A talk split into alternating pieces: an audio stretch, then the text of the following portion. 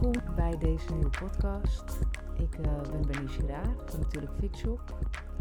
En ja, de titel is voor sommige mensen wat uh, chockerend. Want ik vind een burn-out een geschenk. En er zullen genoeg mensen, zeker die nu een burn-out hebben, het absoluut niet met me eens zijn. En denken, jeetje, waar heeft die meid het over? Maar geloof me, er komt een moment, als jij nu met je burn-out zit, er komt echt een moment uh, dat je realiseert, ja, dit had ik nodig. Um, ik begrijp ook heel goed dat als je nu in een burn-out zit, dat het absoluut niet zo voelt en dat het hel op aarde is. Ik weet dat, want ik ben daar zelf geweest.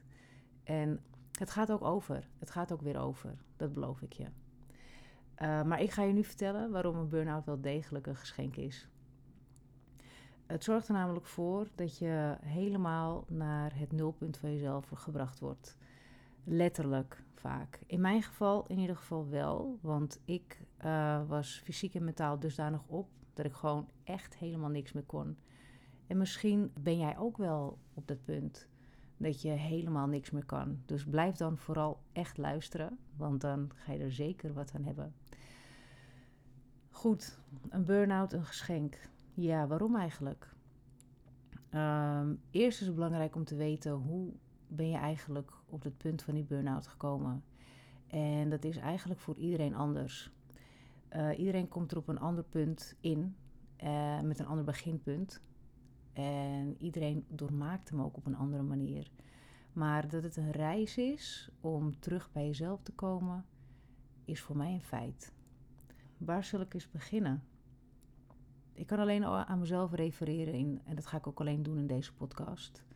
Voordat je überhaupt realiseert dat je een burn-out hebt, heb je vaak al een paar jaar erop zitten. Uh, een flinke aanloop naar een uh, burn-out toe. En dat realiseer je pas achteraf. Meestal als je eigenlijk helemaal uit die burn-out bent, dan kan je zo de momenten aanwijzen waar het nou ja, verkeerd ging, om het maar zo te zeggen. Uh, op de momenten dat je eigenlijk dat het anders had gekund. En bij mezelf is een van de grootste triggers geweest om in de stressmodus te blijven.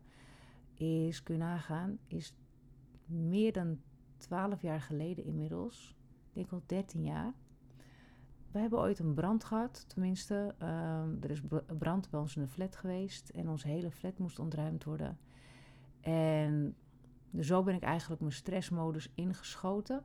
En waarschijnlijk ben ik er ook nooit meer helemaal uitgekomen. Tenminste, tot nu dan.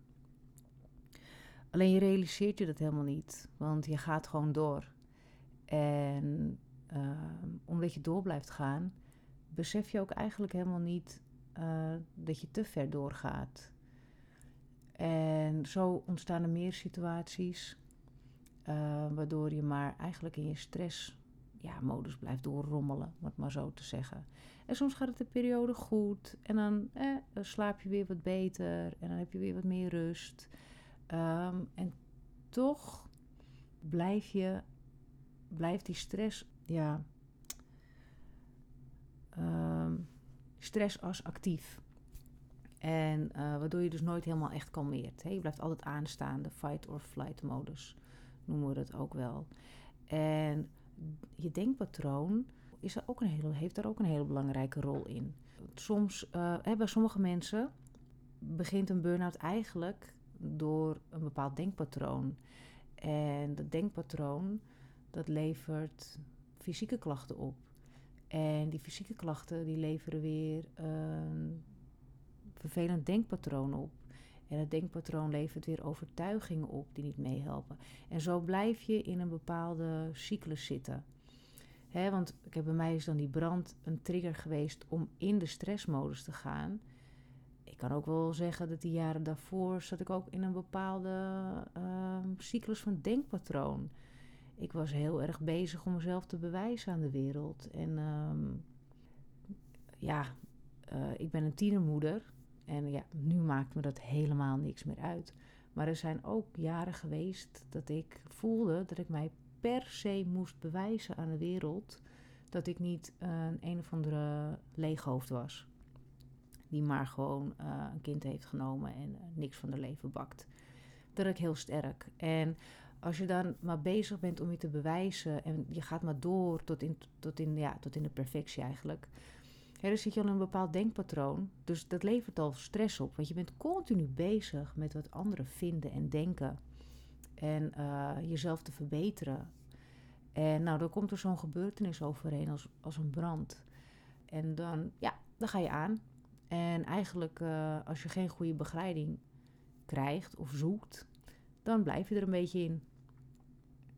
En dus zoals ik al zei, dan gaat het even een tijdje beter. En er komt wel weer een piek in. Dat je, dan gebeurt er weer wat anders. Misschien in je relatie wat niet lekker loopt. Of op je werk die dingen die, die niet lekker gaan. En dan hup, schiet je weer in een stressmodus. En zo bouwt het zich op. Hè?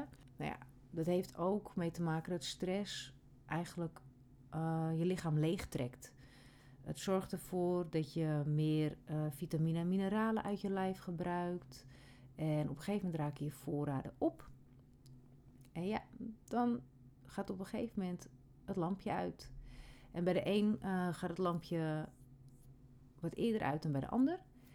Als ik dan over mijn eigen situatie spreek, dan uh, ben ik nog heel lang doorgegaan.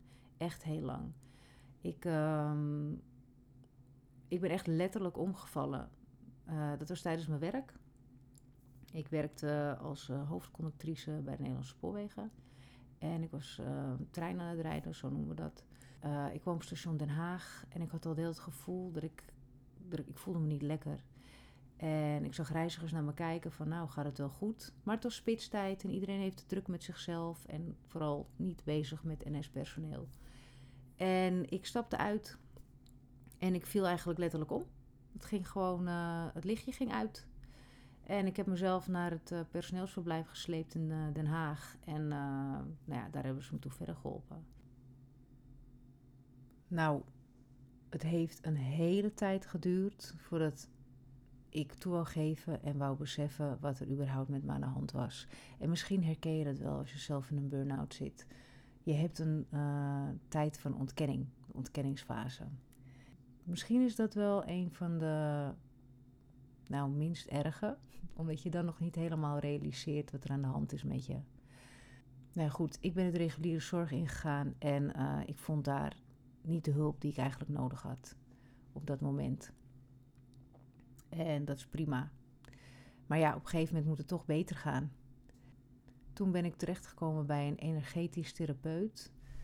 Uh, zij was ook uh, ortomoleculair consulent.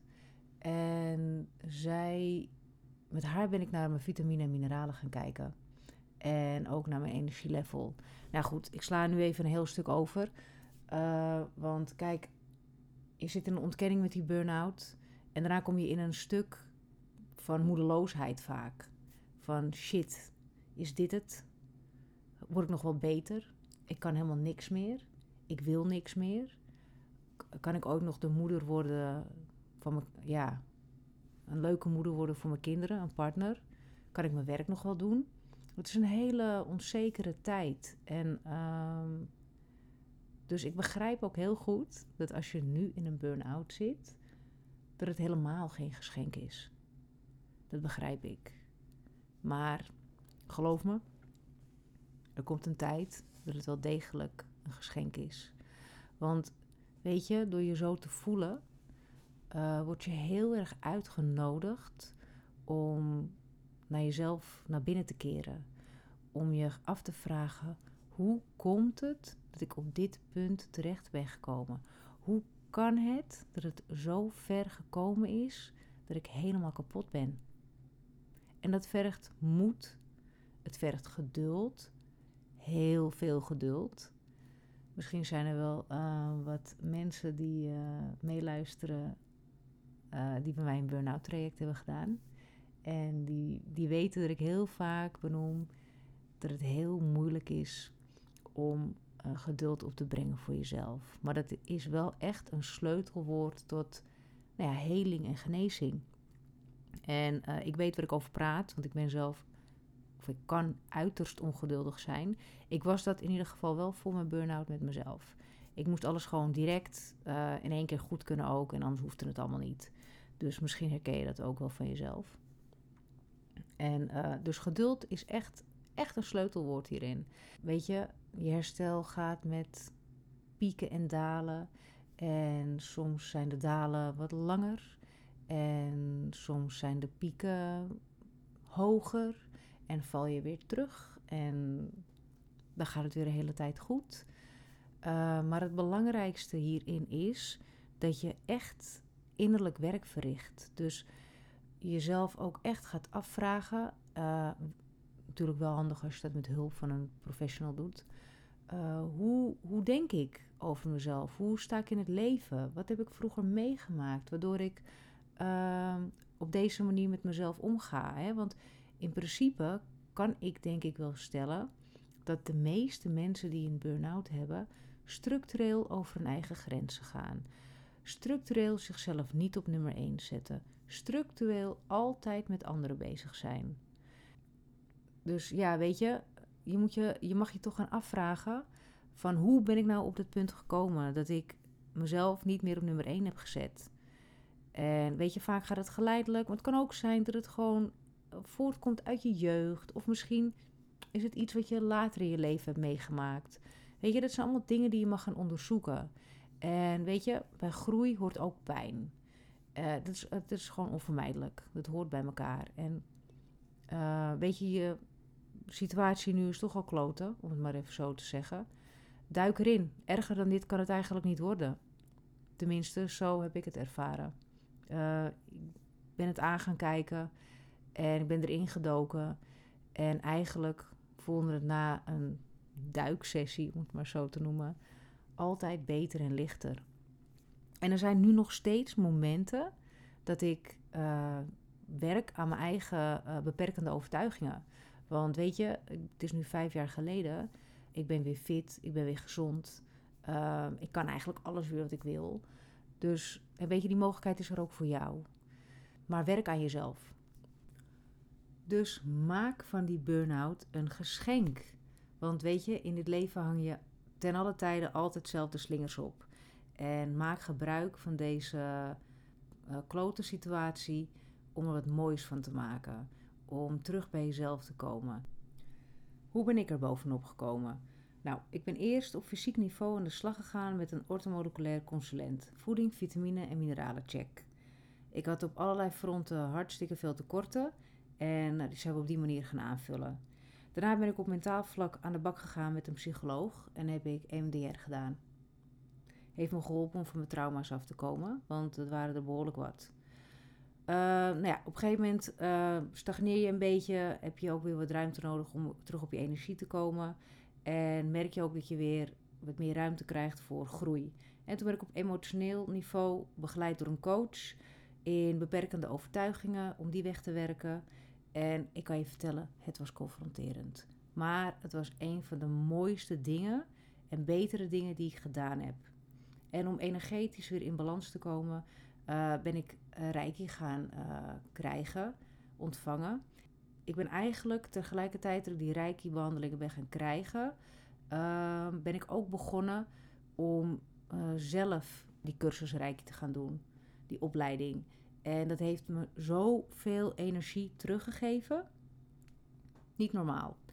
Maar ondertussen was ik al vier jaar verder. En uh, ben ik heel veel, op heel veel plekken geweest waar ik ook niks had. Waar ik niks te zoeken had, die me niet konden helpen. Uh, dit zijn wel de vier ja, punten waar ik echt wat aan heb gehad. En ik realiseerde me ook op een gegeven moment van ja, weet je, ik ben niet de enige die hier tegenaan loopt. Dat je eigenlijk niet, ja, vindt wat je nodig hebt. En op dat punt besloot ik om uh, de therapeut te worden die ik zelf nodig had. Dus dat is wat ik nu ook gewoon doe. Ik uh, begeleid mensen met een burn-out. Het maakt niet uit van welk niveau. Van flatline tot uh, medium, er zit geen verschil in. Wat ik aanbied is een traject van minimaal drie maanden waarin je nou ja, aan al deze vlakken, je fysieke vlak gaat werken met mij, je emotionele vlak, uh, je mentale vlak, je energetisch vlak en misschien ook, als je daar open staat, een stukje spiritualiteit. Want deze vijf niveaus horen absoluut bij elkaar. En als jij, als je een burn-out hebt, dan zijn al deze niveaus totaal uit balans. En weet je, ik help je graag om uh, ze weer terug in balans te krijgen. Dus, heb je deze podcast gehoord? Helemaal tot het eind. Alvast bedankt. En heb je zoiets van, nou, die Bernice, dat zie ik wel zitten. Kom maar op. Ga naar natuurlijk fitshop.nl. En vul gewoon het afsprakenformulier in en vraag die 30 minuten vrijblijvend een kennismakingsgesprek aan met mij. En uh, weet je, we gaan zien wat eruit komt. Ik kon het, dus jij kan het ook.